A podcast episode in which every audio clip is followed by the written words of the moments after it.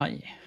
Jeg jobber som eh, helsefagarbeider her på Spinneri rehabiliteringsavdeling. I dag skal jeg snakke litt om Solveig. Hun er her eh, i forbindelse med at hun dessverre måtte amputere det ene beinet. Solveig er her for å få opptrening, slik at hun kan komme hjem igjen. Hun er eh, 80 år og har hatt eh, diabetes type 2 siden hun var 50. Jeg tenkte derfor også jeg skulle snakke litt om diabetes til å begynne med. da. Og det er jo i overkant av 4% av befolkningen i Norge som har diabetes. Eh, Forekomsten er økende både for type 1 og type 2 diabetes. De, de fleste har type 2-diabetes, og det er flere menn enn kvinner som får sykdommen. Eh, Det er en kronisk sykdom som eh, eh, ubehandlet gir høyt blodsukker og andre forstyrrelser i stoffskiftet. Diabetes forekommer i flere varianter, men det er vanlig å skille mellom to hovedformer, type 1 og type 2 diabetes. Type 1-diabetes skyldes insulinmangel, mens type 2 skyldes ofte en kombinasjon av at insulinet ikke er virksomt nok, og at bukspyttkjertelen ikke greier å kompensere for eh, dette med å øke insulinproduksjonen. Eh, Ved type 1-diabetes har eh, bukspyttkjertelen slutta å produsere insulin, eller produksjonen er sterkt og varig nedsatt. Cellene kan dermed ikke ta opp glukose fra blodet, og blodsukkeret stiger. De fleste som får type 1-diabetes er barn og unge under 18 år, men sykdommen kan ramme folk i alle aldre. De fleste som får type 2-diabetes, de er eh, over 40 år, som en konsekvens av livsstil. Type 2-diabetes skyldes både arv og livsstil, og to sentrale livsstilsfaktorer er for å utvikle sykdom, sykdommen er eh, overvekt, særlig rundt magen, og mangel på fysisk aktivitet. Andre risikofaktorer er røyking, legemidler, f.eks. kortisonprater, visse vanndrevne legemidler og betablokkere. Høyt kolesterol i blodet, hjerte- og karsykdommer og svangerskap. Med type 2-diabetes er det derfor viktig å spise sunt, være fysisk aktiv, redusere overvekt og slutte å røyke. Så er det jo allmenntilstanden som vi også må passe på å observere og følge med på. Allmenntilstanden er et vidtfavnende begrep som kan omfatte både fysiske og psykiske sider av helsen, samtidig som allmenntilstanden potensielt favner om svært mange helse, helseaspekter. Det er ingen enighet om hvilke momenter som skal inngå i vurderingen, og hvordan de ulike momentene skal vektes. Bevissthetsnivå og sirkulasjonsstatus står vanligvis sentralt i vurderingen av allmenntilstanden. Andre til dels overlappende momenter kan være kontaktbarhet, hydreringsstatus, altså nivå på væskekroppen, respirasjonsstatus, hvordan personen puster, hudfarge, ernæringstilstand, aktivitetsnivå, kroppstemperatur og velvære. Og her eh, hos Solveig så kan vi jo observere at eh, er nok ikke helt på topp om dagen. Hun har jo mye smerter eh, etter putasjonen. Hun er trist mesteparten av tiden og bryr seg ikke så mye om det som skjer rundt henne.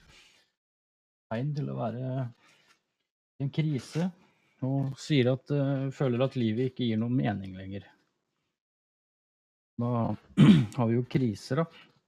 Vi kan dele opp i to typer. Eh, Utviklings- eller livskriser, som er forandringer som hører til det normale livet. Som å komme i puberteten, flytte hjemmefra, bli foreldre eller flytte på sykehjem. Eh, Dette kan vi da si at disse krisene markerer viktige overganger i et normalt liv. Og så har vi da traumatiske kriser, som er dramatiske hendelser eller forandringer som oppstår plutselig og uventet. F.eks. dødsfall i familien, ulykker, sykdom eller tap av en kroppsdel. En krisereaksjon deler vi opp i flere faser. Det er sjokkfasen, reaksjonsfasen, reparasjons- og bearbeidingsfasen og nyorienteringsfasen.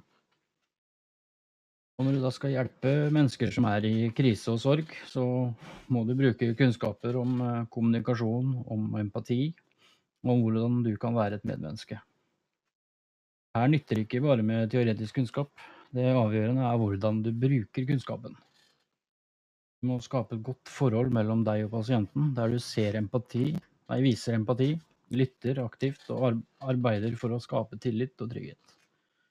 Noen måter å gjøre dette på er jo å være tilgjengelig. Det er du som har ansvaret for å ta kontakt med den som lider. Det er ikke alltid du vet hva du skal si, eller finne de rette ordene. Men det er bare å være til stede har betydning. Være et medmenneske og vise at du bryr deg. Sørg for god koselig pleie, mat og drikke, og gi mulighet for søvn og hvile. La personen komme fram med følelsene sine. Anerkjenn de følelsene som kommer, enten det er sinne eller gråt. Legg vekt på at det dreier seg om naturlige reaksjoner på uri urimelige påskjønninger. Å bruke sansene dine for å være helt til stede. Berøring kan også ha stor betydning i slike sammenhenger. Og Solveig trøster seg jo da med å spise sukkerholdig og fet mat, og noe som gjør at både vekta og blodsukkeret hennes eh, stiger, øker. Det er derfor viktig å prate med Solveig om det er viktig å passe på kostholdet, spesielt siden hun har diabetes. Og kostholdsrådene for de med diabetes er jo det samme som de generelle kostrådene rundt omkring. Maten bør derfor inneholde mye kostfiber, moderat med mettet fett og ha lite salt og sukker som regelmessige måltider. Råd for kostholdet er å spise små, regelmessige måltider med tre til fire timers mellomrom. Balansere energitilførselen, dvs. Si ha balanse mellom inntak og forbruk av energi. Og insulin virker jo da best når vekta er normal. Erstatte raskt absorberbare karbohydrater med langsomt absorberbare, ved bl.a. å spise rikelig med kostfiber, helst til hvert måltid. Bare bruke sukker og sukkerholdig mat i små mengder og sammen med annen mat. Spise mindre mettet og flerumettet fett. Og det er også viktig å spise riktig som holder blodsukkeret stabilt. Det, da unngår jo hypoglykemi, som er at blodsukkeret faller og blir for lavt. Da kan en få det som vi kaller for føling. Og da er det jo viktig å gi mat med raske karbohydrater, som brus, saft eller søt melk. Deretter er det viktig å få langsomme karbohydrater, som gjennom brødskive. Sånn, slik at blodsukkeret ikke stiger for raskt, for uh, deretter å synke like raskt igjen. Det er viktig for å unngå hyperglykemi, som er for høyt blodsukker. Og da får man det som man behandler med å gi insulin. Når det kommer til grunnleggende sykepleien, er det jo viktig at man ivaretar Solveigs grunnleggende behov. Slik at uh, de fysiske, psykiske, sosiale, kulturelle og åndelige behovene blir uh, dekka og også viktig som helsefagarbeider at man har god, relevant kunnskap, eh, ferdigheter og holdninger. Og viktig å trene opp og kunne bruke det kliniske blikket. Som betyr jo at man Du vet jo akkurat hva du skal si, og skjer det endringer, så merker du det fort hvis det skjer endringer i tilstanden. Og det er også viktig å bruke, bruke de fleste sansene man har. Det er å se, pasienten. Lukte om det er noen nye lukter. Høre om det er noen ulyder her og der. Og føle, da. Er huden klam, tørr? Pasienten varm, kald?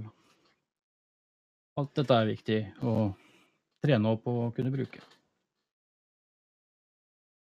Og det er jo viktig da å passe på at hun, Solveig opprettholder eh, en god personlig hygiene, da.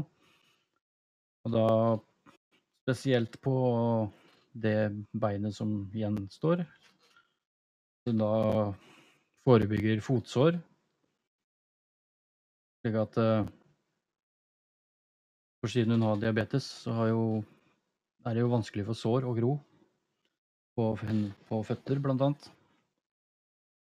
Og, og, det hjelper jo selvfølgelig på selvfølelsen, da.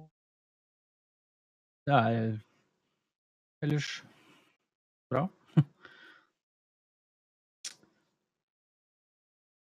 Det er jo viktig å vi tenker på brukermedvirkning, da, som vi må huske på.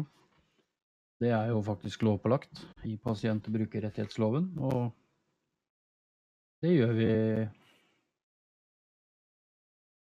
ved å samarbeide godt med pasienten og la,